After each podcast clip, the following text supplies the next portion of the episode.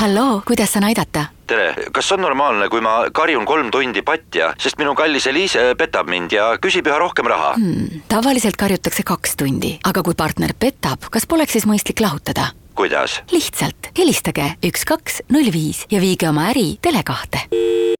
kuku raadios välja öeldud seisukohad ei pea ühtima Kuku raadio seisukohtadega. Te kuulate Kuku raadiot aga nüüd jõuame nüüd selle nädala vast olulisima teema juurde, selleks on eakad. sel nädalal tähistati rahvusvahelist eakate päeva. eakatele pöörati tänuväärselt palju tähelepanu, sellist tähelepanu võiksid nad igal päeval saada. ja ütlemata hea meel on stuudios tervitada tänase saate külalist, kes pärast kella poolt kolme vastab ka Kuku raadio kuulajate küsimustele. selleks on professionaalne vananeja, aga ametinimetuse järgi Tallinna Ülikooli Ühiskonnademograafia Instituudi teadur. tere, Tiina. tervist. Tiina Tambaus siis ja sel nädalal tõesti tähistati rahvusvahelist eakate päeva. eakad olid fookuses, kõneldi nende hakkamasaamisest, aktiivsusest ja õppimisest ja sellest kõigest tahaks ka teiega kõneleda. Tiina, alati kui mõeldakse ja räägitakse eakatest, võetakse sihikule ja esmalt jutuks kaks asja. esimene on nende tervis ja teiseks siis nende majanduslik hakkamasaamine ehk siis tõepoolest pension. ega ei saa ju seda arvajatele ette heita, aga me võiksime loomulikult märksa laiemalt vaadata siis rõõmsate, väärikate vanade peale, kes tahaksid olla aktiivsed ja ei tahaks, et nende tervisest ja pensionist kogu aeg kõneldakse. jah, see, et vanemaealistega seostatakse tervist ja pensionit ja mitte midagi kolmandat, see on väga-väga vanamoodne. see iseloomustab seitsmekümnendaid aastaid ehk me oleme sellest tagasi kuni kriisini arenes, arenes haridusgerontoloogia ja selline vaade vanemaealistele õiges suunas, et neid nähti kui tavalisi inimesi kes eh, muuhulgas jätkavad panustamist ühiskonda, elavad rahulduspakkuvat eneseteostuslikku elu. aga kriis tõmbas ainult mitte, mitte ainult meil, vaid, eh, vaid ka igal pool mujal, kus, kus, mida see tabas või keda see tabas. tõmbas nagu pidurit ja, ja jälle suhtumise alla. ehk inimest hinnatakse taas ainult selle järgi, kuivõrd ta panustab majandusse jutt käib siis majanduskriisist ja. aastat kaks tuhat üheksa, kümme. ja see, see mõjutas ka väga äh, elukestva õppe suundumusi. aga kuidas ta niimoodi mõjutada sai? sellepärast, et äh, õppimisvõimalusi hakati taas pakkuma ainult kitsalt tööturul püsimise eesmärgil et enne seda oli ikka näha juba ka, et äh, inimestele pakutakse õppimisvõimalust ja inimesed lähevad õppima sellel eesmärgil, et lihtsalt õppida, elada sellist eluviisi, et, et areneda kogu aeg Te olete ütlemata suure töö ära teinud propageerimaks siis tõepoolest vananemist ja targalt vananemist ja mis põhiline, rõõmsalt vananemist. kas see on teie selline äkki missioon või see käib kuidagi niimoodi elukutsega kaasas, et te peate seda nii-öelda teadurina tegema või, või kuidagi nõndaviisi e? Mu hariduslik taust on ju hoopis midagi muud ja ma võin äh, ilma kiitlemata ütelda, et ma ehk olen Eestis haridusgerontoloogia maaletooja. et ma avastasin, et mitte keegi Eestis ei, ei uuri ega käsitle äh, vanemaealiste õppimist ja arendamist ja samas on see Suurbritanniast kaheksakümnendatel alguse saanud täiesti iseenesestmõistetav teadusharu ja ma käisin seda Suurbritannias Kiili ülikooli juures õppimas, ma jõudsin päris raamatukogus nende, nende juurtekstideni, kus see seal kunagi alguse sai. ja, ja siis teades seda või saades teada neid põhimõtteid, kuidas läheneda vananemisele siis, siis paratamatult sa ju kuulutad seda või, või püüad, püüad seda mõtteviisi laiendada ja, ja alguses siis ainult läbi kursuste ülikoolis. Tallinna Ülikool on pakkunud andragoogide magistrantidele juba üle viie aasta seda kursust. haridusgerontoloogia ja gerogoogika ja, ja siis sealt ehk siis ka kutsutakse, üliõpilased kutsuvad rääkima ja nii ta läheb no millegipärast on jällegi kuvand, ma ei tea, kas jällegi aitas ka majanduskriis sellele kaasa, et ühel hetkel või kui me räägime siin õppimisvõimelistest eakatest, ega natuke raputad ju pead. ja mõtled neile kohe juba ette kätte sellise jalutuskepi ja ühe haiguse, mille avastas üks Austria arst. Alžeimer mm, -hmm. jah. E, see on kõvasti juurdunud arusaam jah, vanemast inimesest ja sellest võib ka aru saada, sellepärast et meie psüühika ei ole ju järgi tulnud sellele tõsiasjale, et meie elu, oodatav eluiga kasvab tohutu tempoga, et me noh, see sõltub küll aastast ja statistilistest arvutustest, aga põhimõtteliselt me viimastel aastatel oleme igal aastal saanud viis kuud eluiga juurde. ehk äh, inimesed elavad palju pikemalt, pikema van-, vanadusea. noorusele ju ei anta juurde ikka sinna teise otsa ja, ja et sellega kaasnevad ühiskondlikud muutused või peaksid kaasnema, on selge, aga nagu psüühika ei tule järgi, sest me alles ju mäletame oma vanavanemaid millised nemad olid, millist elu nemad elasid. ja vananemisel oleme me ju siiamaani olnud iseõppijad. Ja see iseõppimine tähendab seda, et me väga sõltume sellest juhusest, kes on meie eeskujud. kui meil on toredad vanavanemad või, või naabritädid, kes on olnud tervisele, õppimisele pühendunud, siis me oleme nendelt õppinud, aga kui käib üks hala ja kurtmine ümberringi Eh, siis õpime nendelt ja, ja sellist teadlikku vananemise õppimist pole ju olnud saatele annab särtsu Esvika. mustmiljon elektrivärki. Kaheksateist minutit on kell üle kahe, stuudios on Kuku raadio saatel külas Tiina Tambaum, targalt vananemise ekspert Tiina, kui palju on äh, seda mõttemalli eakatel endal kinni, et kui mul pensioniiga kukub, siis automaatselt ma juba mõtlen ette endale käimisraami, ma mõtlen endale ette juba pehme tugitooli ja ostan poeks igaks juhuks ka kalossid endale välja. ehk siis ma ei taha enam midagi õppida, sest ma olen pensionieas. see hoog võetakse maha palju varem ehk äh, see, et meil siiamaani on olnud väga kindel äh, vanus, millest alates on inimesel õigus minna vanaduspensionile, on nagu finišijoon aga kahjuks me ei ole sellised sportlased nagu, nagu kümnevõistleja Uibo, kes siis äh, ületab selle täie tuuriga selle finišijoone. vaid äh, meie võtame hoo maha juba poole distantsi pealt, et me teame, et oh, kümne aasta pärast äh, saan pensionile. mul vist ei ole mõtet enam seda asja õppida. Ja statistika ja uuringud ka näitavad, et et selline tipp, koolitumise ja õppimise tipp on kolmekümnendates, muud, muu, muudes riikides on see neljakümnendates eluaastates, meil juba kolmekümnendates. ja pärast seda on aina vähem ja aina vähem. ja see, et miks siis inimene vanemas eas ei õpi, kuigi ta on ju tööl veel, on kahepoolne, isegi ma ütleks kolmepoolne. et kõigepealt ta ise ei nõua välja just selle samal mõttega, et, et võtab hoo maha varem juba tööandjad ei paku, sest väga, väga palju on ikkagi mõtteviisi, justkui inimene oleks nagu mingi masin, kellel on mingisugune amortiseerimisaeg ja siis sa viskad ta uksest välja prügimäele. ehk ta ei taheta enam investeerida vanemasse inimesesse, arvates, et ta kohe viskab vedru välja. tegelikult vastupidi, ei viska ja kui ta veel õpib seda, seda kindlamalt on ta terve ja, ja hea töövõimega. Ja kolmandaks on kolleegid ja ka lähedased ja sõbrad kuivõrd me innustame neid uusi asju õppima. nii nagu me innustame lapsi või peame lausa loomulikuks, et loomulikult ta õpib asjad ära. me peame täpselt samamoodi innustama oma töökaaslasi ja peres inimesi ajaga ja ühiskonnaga kaasas käima ja uued oskused ära õppima ja siis tuletegi teie, ütlete, et see mõtlemine kõik on väär, väär, väär, inimesed, kuulake.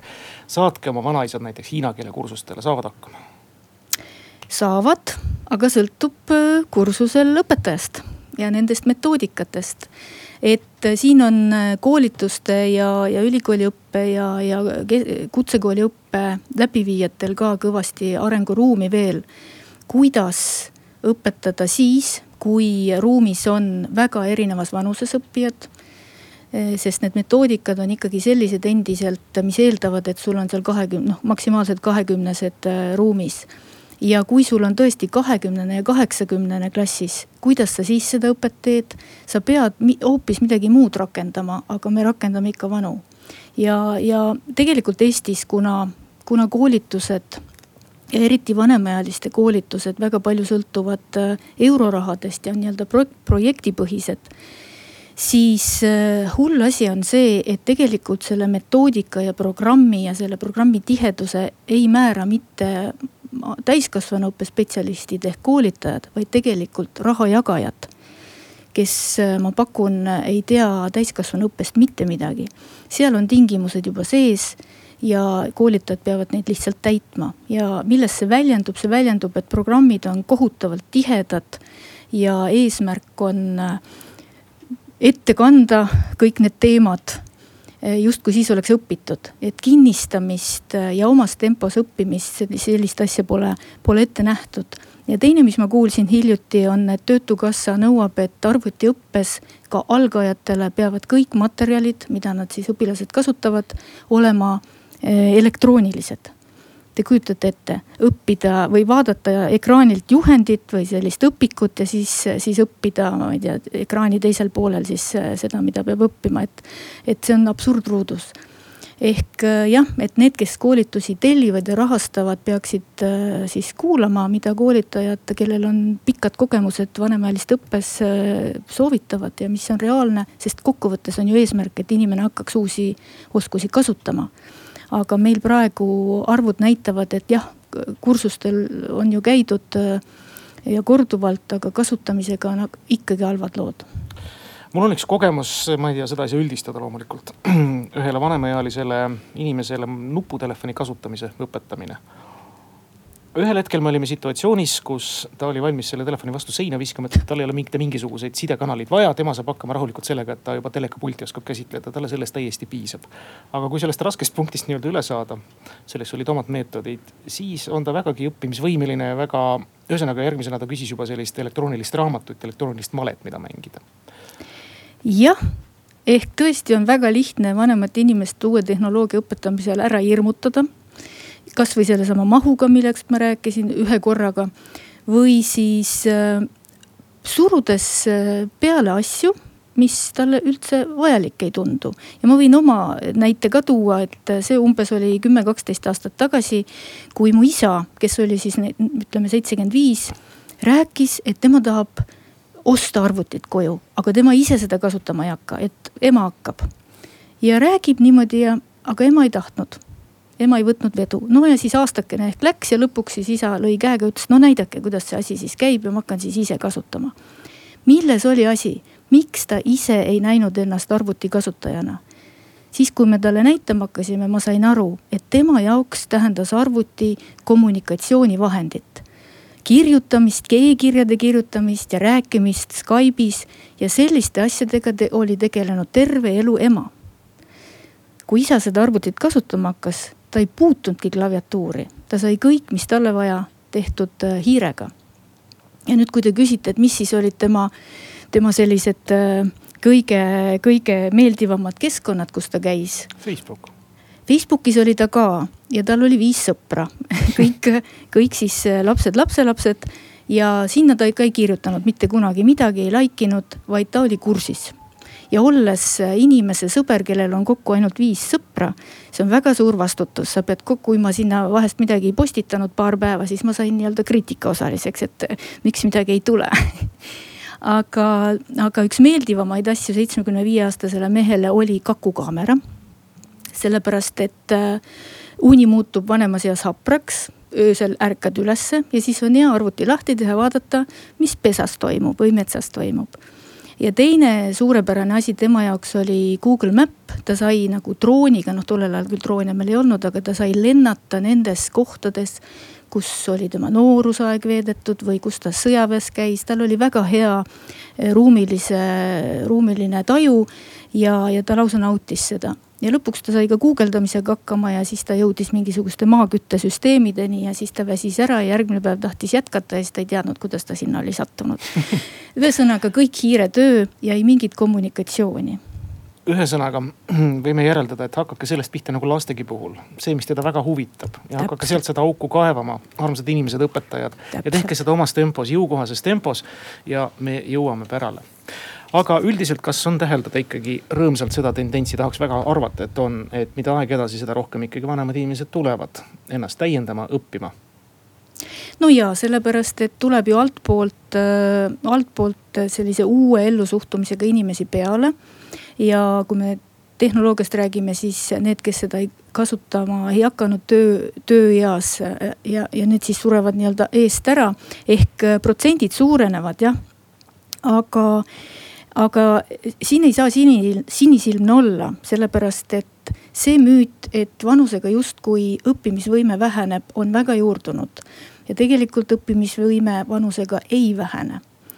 et äh, kui me oleme oma aju kasutanud, siis õppimisvõime minu hinnangul paraneb. aga kui sa ikkagi sisemiselt arvad, et äh, õppimisvõime väheneb, siis sa ju ei, ei kipu ka õppima või hoiad parem eemale. ja selle arvamuse suure, selle arvamuse taga suurelt on, et meie lühimälu väheneb äh, vanuse kasvades ja see on täiesti normaalne protsess, normaalne nähe.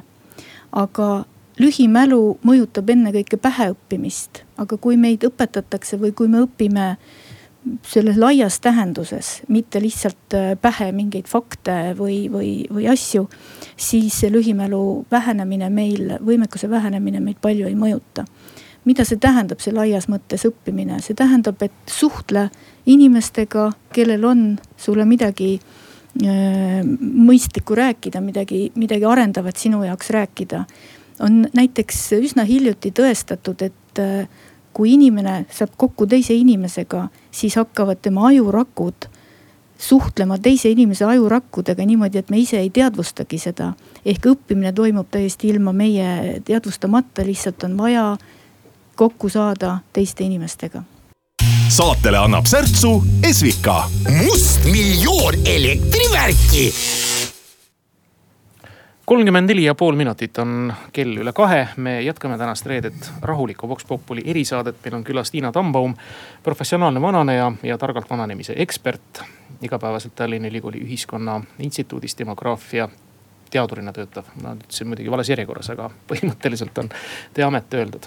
ja räägime siis äh, tõesti targalt vananemisest. muide, kuidas äh, kas, kas vanainimestesse sihuke kurjus ja kibestumus on sisse kodeeritud, nagu teinekord kipub see kuvand olema. kõik ei ole sellised vanemad õunapuu otsas. hea küsimus. inimene vanuse kasvades, tema olemus ja iseloom ei muutu. et kui ta on kibestunud ja kuri vanemas eas, siis on ta seda olnud ka juba varem, nooremas eas, lihtsalt äh, keskeas, nooremas eas on seda sebimist ja kohustusi ja, ja tegemisi nii palju, et see ei paista nii hästi välja aga vanemas eas oled nagu puu lagedal, lagedal väljal ja sinu iseloom ja omadused paistavad palju paremini välja. nii et ei ole nii, et vanemad inimesed muutuvad kibestunumaks ja vihasemaks ja kurjemaks. hoopis vastupidi on, et ajuehitus on meil selline, et mida vanem inimene, seda rohkem ta väljendab positiivset ja positiivseid emotsioone jah, ega muhedad vanaemad ja muhedad taadid on ju ka selline väga hea kuvandi osa. ütleme ka stuudionumbri ära, kus on võimalus küsimusi küsida, sealhulgas ka praktilisi. kuus, kaks, üks, neli, kuus, neli, kuus. nimelt meie hea külaline peab siis videoblogi või vlogi, kus ta siis annab väga praktilisi nõuandeid vanematele inimestele, kuidas toime tulla erinevates eluolukordades. aga meil on helistaja liinil, tervist. tere, Kuku sõbrad, Timo ja, ja, ja kõik lugupeetavad, kes te seal olete, et, et mul on paar nippi niiviisi Eh, leitud, avastatud, eh, kuidas eh, tänu väljendada oma vanematele, kes siis ju, kelle kaudu mina siin ilmas olen. et see on ju ikkagi vägev, vägev saavutus selliste väravate kaudu tulla siia ilma. et mina Kople, tähendab, suunan kogu aeg oma last ehk siis nendele siis lapselast nende juurde, juurde käima, küll nad õpetavad siis noored seda, seda ütleme arvuti asja. aga lisaks sellel, sellel perioodil kingivad ka elujõudu juurde, nii et, et kui kolm põlvkonda koos elavad, siis võib see eluiga pikeneda, sest kui noortega tegeletakse, siis kandub väljaliselt üle see energia. siis on üks nipp on veel näiteks programmeerida ehk siis endale äh, juurde mõtelda selliseid kohustusi, vot et ma pean seda tegema vot äh, nui neljaks. kas hoolitsema laste eest või midagi, samamoodi see programm äh, aitab, aitab elu pikendada, muidu teisalt, kui minna vanadekodusse, siis, siis üldiselt seal pakitakse juba asju, et ära minna, nii et igasuguseid nipikesi on, et kas keegi ise leiab või siis või, või aruteludes neid ikka leiab. -hmm. aitäh aitäh teilegi, ega see oli pigem siin selline kommentaarile mitte küsimusele. jah, väga õige, see põlvkondadevaheline koostöö ja põlvkondadevaheline õpe ongi tuleviku märksõna või tuleviku suund, muud moodi see elu meil siin kulgeda rahulikult ei saa, aga siin ma tahaksin rõhutada, et äh, kui, kui kui siis lapsed või lapselapsed viiakse vanavanemate juurde, siis kindlasti peaks tegema niimoodi, et nad mõlemad üksteist arendaks, ehk mitte ainult, et äh, vanaema õpetab, äh, kuidas, kuidas elu käib ja kuidas elama peab. vaid äh, see õpetus peab tulema mõlemalt poolt ja olema üsna balansis või tasakaalus, siis on kõigil hea olla. ehk, ehk ei ole, et üks aitab teist ja, ja ongi üks abivajaja ja teine abisaaja, vaid kindlasti peaks vaatama, et mõlemad arendaks kumbagi poolt kuus, kaks, üks, neli, kuus, neli, kuus Tiina, mis küsimusega, näiteks praktilise küsimusega teie poole selline rea seenior, kui nii võib küsida, kes ei ole võib-olla erialateadlane, no tavaliselt pöördunud mis see levinum küsimus on? kõige levinum küsimus, mis mitte kunagi ei jää küsimata, on kui vana on vana? mis mm. number see nüüd siis on, millest alga, algab vanadus?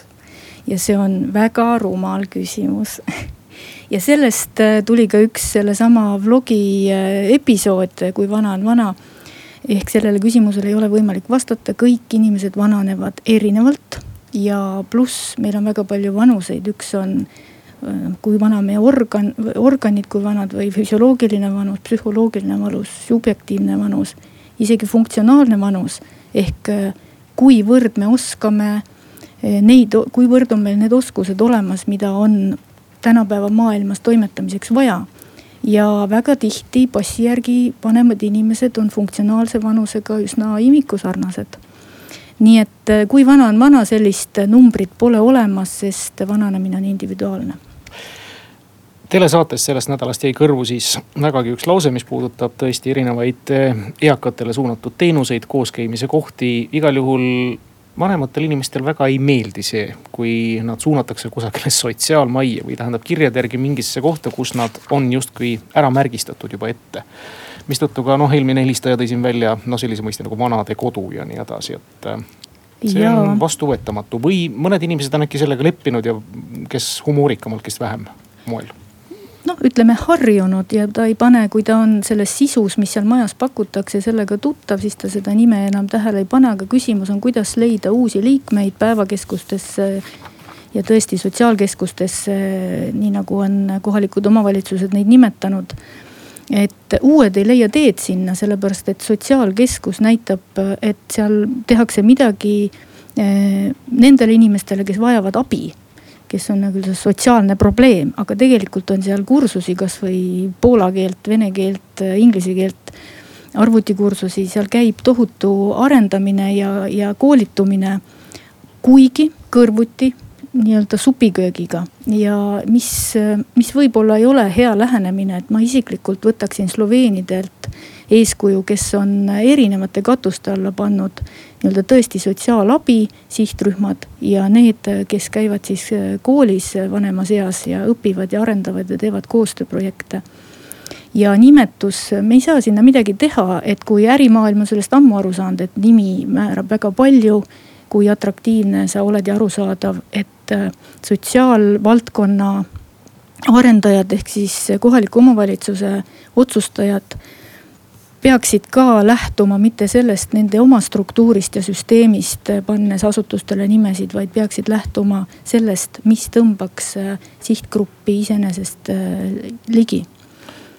Mm, võib-olla siin üks tore näide, et üks viiekümne aastane naine kutsuti Vanurite Eneseabi ja Nõustamisühingusse ringijuhiks.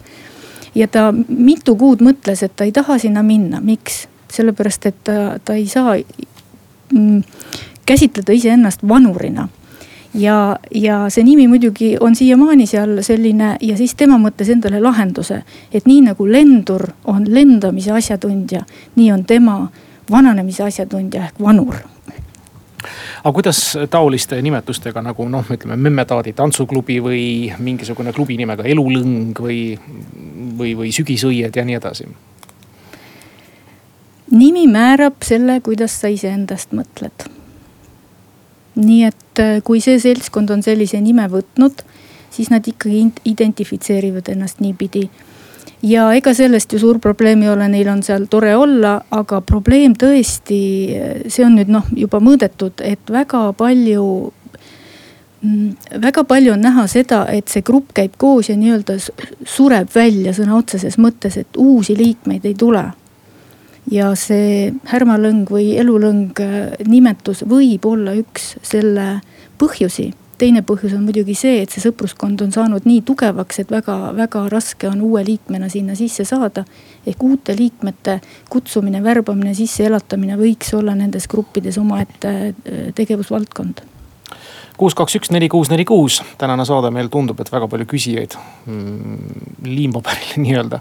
kui kärbseid ei kutsu, aga meil seda enam on siis hea võimalus jätkata kahekesi, Tiina on teatud tüüpi inimesi, kes eh, olid erakud, võib-olla siis ka oma töökarjääri jooksul toimetasid oma asja ära ja kadusid nelja seina vahele, seda rõõmsamad nad on nüüd pensionieas, et neil pole kuskile vaja minna konkreetselt. et ega sellistega polegi vist midagi peale hakata või? Neid aktiivsesse ellu kiskuda või öelda, et kuule, et aga äkki õpid midagi veel juurde? No väga palju seostatakse sellist, et jätke mind rahule, ma tahan üksinda mõtiskleda just vanemate meestega. ja ja see on väga laialt levinud argument, et miks mehi pole sotsiaalkeskustes näha või väärikate ülikoolides näha, et neid ei huvita, nad tahavadki omaette olla. ja siis on mul küsimus, et oled sa nõus, et inimene on sotsiaalne olend, oled sa nõus? jah, e, kas mees on inimene? on, järelikult mees on sotsiaalne olend. Aga, ja, ja põhjused, miks neid väärikate ülikoolis ei ole, on, on hoopis teised. aga tõsi on see, et meeste seas, ütleme siis nii, et naiste seas on rohkem ju nende erialade inimesed, mis on seotud suhtlemisega, õpetajad, teenindajad kõiki, kõiki on ikkagi naisi on rohkem. Ja mehed on olnud autojuhid, pikamaa autojuhid, sellised omaette ehit-, omaette päevi veetvad ehitajad, et suhtlemist on suhteliselt vähe olnud. järelikult ei saa ka loota, et nüüd, kus pensioniiga käes, et nad on nüüd suured suhtlejad. et nad vajavad seda inimlikku kontakti hoopis äh, teistmoodi. ja näiteks meeste garaažides võib nii juhtuda, et on lihtsalt ruum, mis hommikul uksed avab. seal saab omaette nokerdada, teine inimene nokerdab sul kõrval ja sa ei pruugi vahetada sõnu üldse kuigi palju selle päeva jooksul, aga ometi oled sa grupi liige, su kuuluvustunne on rahuldatud. ja kui sul on midagi küsida, sul on kelleltki küsida.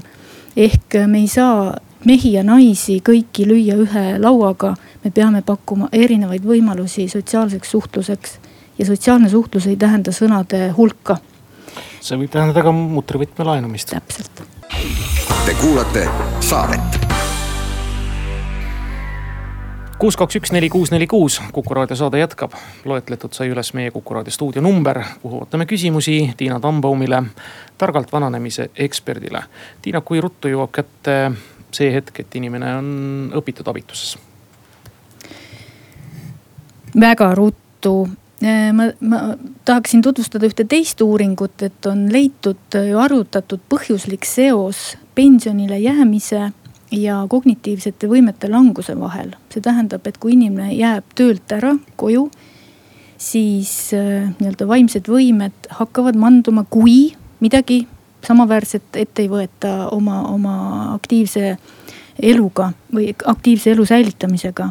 ja see äh, viiteaeg, muidugi see peiteaeg ei ole või see, see ei, avaldu kohe päevapealt, aga on väike viiteaeg, aga see viiteaeg on ainult kaksteist kuud. kui juba on mõõdetav eh, kognitiivsete võimete vähenemine ja, ja sellepärast eh, tuleks eh, eriti tähele panna seda momenti elus või seda, seda aega elus, kui on siis pensionile minek, et ei tohi jääda nii-öelda puhkama.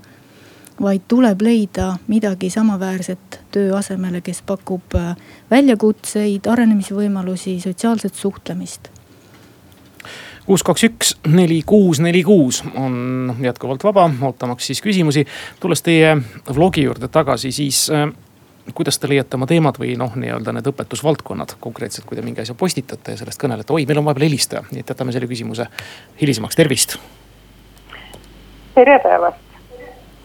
mina olen äh, eakas inimene ja ma olen vanurite eneseabi ja nõustamisühingu liige. ja meil on igas vanuses inimesi ja meie koos käimine hoiab neid võib-olla jalul. meil oli viimane juubeli sünnipäev, siis oli kaks inimest, kes olid saja ühe aastased. ja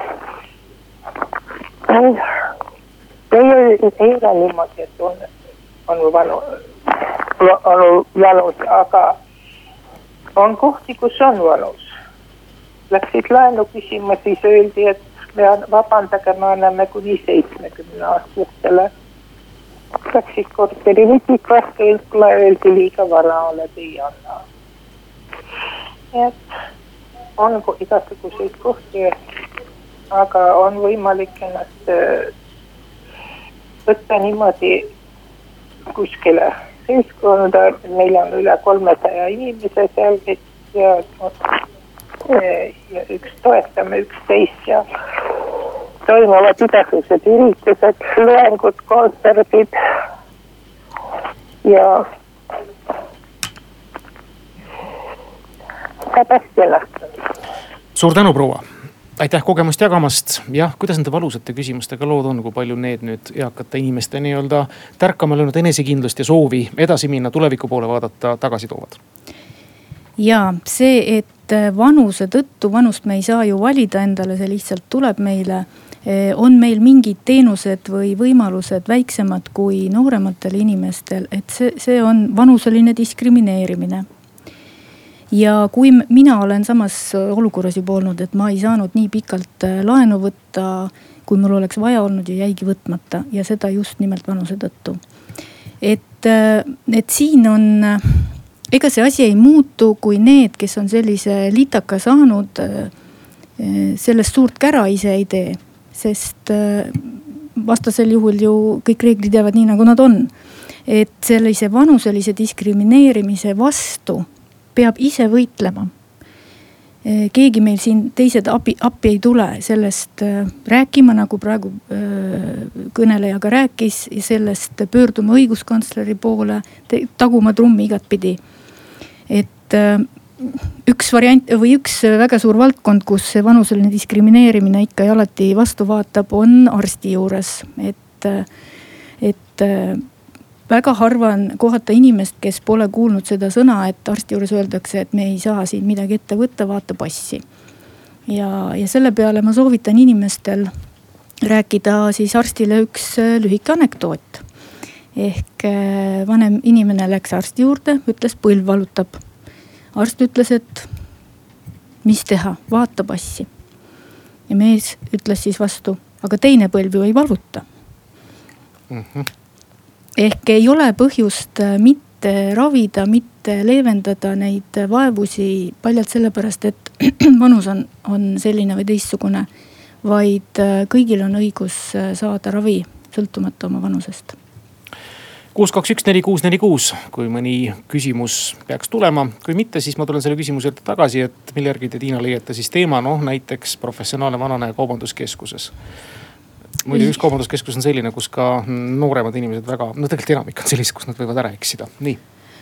Ja, ja kusjuures sellest eksimisest selles vlogis ju veel juttu polegi, aga kui kaubanduskeskus on väga keeruline, sopiline, siis eh, mida vanem on inimene, seda tõesti võimatu on tal seal eh, tegutseda, sellepärast et tähelepanu tõmbajaid on nii palju. ja tähelepanu jagamise võime on üks sellistest, mis vanusega väheneb ehk see keskkond peab aitama, vastupidi, tal, tal võimalikult vähe tähelepanu ja äh, häirijaid äh, pakkuma talle, et ta hästi ennast tunneks. aga kuidas ma teemasid blogisse leian, no nendest on mul seoses sellega, et ma loen äh, seda valdkonda ja uurin ja, ja õpetan, et mul on terve nimekiri neist. ja see praegu on, mul on seal ainult neli episoodi. üks on siis kaubanduskeskuse keskkond, mis ei ole üldse mugav vanematele inimestele. siis me räägimegi sellest, kui vana on vana. siis me räägime robotitest, millest äh, tõepoolest räägitakse nagu surmtõsiselt, et robotid hakkavad leevendama meie üksildust, mis on jama, sest äh, üksildus definitsiooni järgi on kvaliteetsete suhete puudumine, inimsuhete puudumine, et kuidas saab robot asendada mulle puuduvaid kvaliteetseid inimsuhteid. mida robotid teha saavad, on, et nad aitavad meil toime, toimetustega hakkama saada. toovad toitu ette võib-olla, aga see ei ole üksilduse leevendamine. ja siis viimane, ma räägin liikumisest. ja järgmised osad on juba valmis samamoodi liikumisest selle tähtsusest ja selle kättesaadavusest meil ei ole tegelikult takistusi. Isegi kui me oleme voodis, voodihaiged, meil on ikkagi võimalik liikuda regulaarselt. ja ka mälust tuleb üks osa, et äh, ma praegu lihtsalt ei jõua nii palju teemasid ära teha, kui järjekorras on. aga ma arvan, et puudust ei tule neid neist mitte kunagi. See kõik on nii tänuväärt. Ja nii tore, ma nüüd loodan, et hästi paljud inimesed natuke innustust said, muidugi olge mõõdukad ka selles eos, ärge nüüd, head noored kuulajad, kindlasti esimese hooga oma vanavanematele nii-öelda peale lennake ja öelge, et vanaema, ma õpetan su Facebooki kasutama või midagi säärast, et. nagu öeldud, oluline on siis ikkagi kaasas käia nii-öelda vanema inimese vajadusega. ja noh, arvestada siis sellega, et ta võib olla natuke teistmoodi õppija, kui teie olete seda võimeline praegu seletama võin ma ühe Muidugi. näite uuesti tuua, seesama minu isa, kes siis õppis arvutit kasutama. et ta saaks aru, kui aeglane see see kulg on, siis kõigepealt me õpetasime talle, kuidas minna Postimehe lehele ja kuidas scroll ida või alla ja ülesse. ja tulime tema juurde tagasi kolm nädalat hiljem sinnamaani ta luges Postimehest niimoodi sisuliselt ainult pealkirju ja ta oli väga rahul. ta oli selle täiesti omandanud ja alles kolme nädala pärast õpetasime, kuidas klikkida pealkirja peale, et siis tervet, tervet äh, artiklit lugeda ja kuidas siis back'iga tagasi. see tempo on nii aeglane, et me lihtsalt äh, ei kujuta ette, kui aeglane see on aga igal juhul suur tänu, Tiina, tulemast, edujõudu teile teie tegevustes töös ja jääme loomulikult huviga teie blogi jälgijateks. aitäh teile.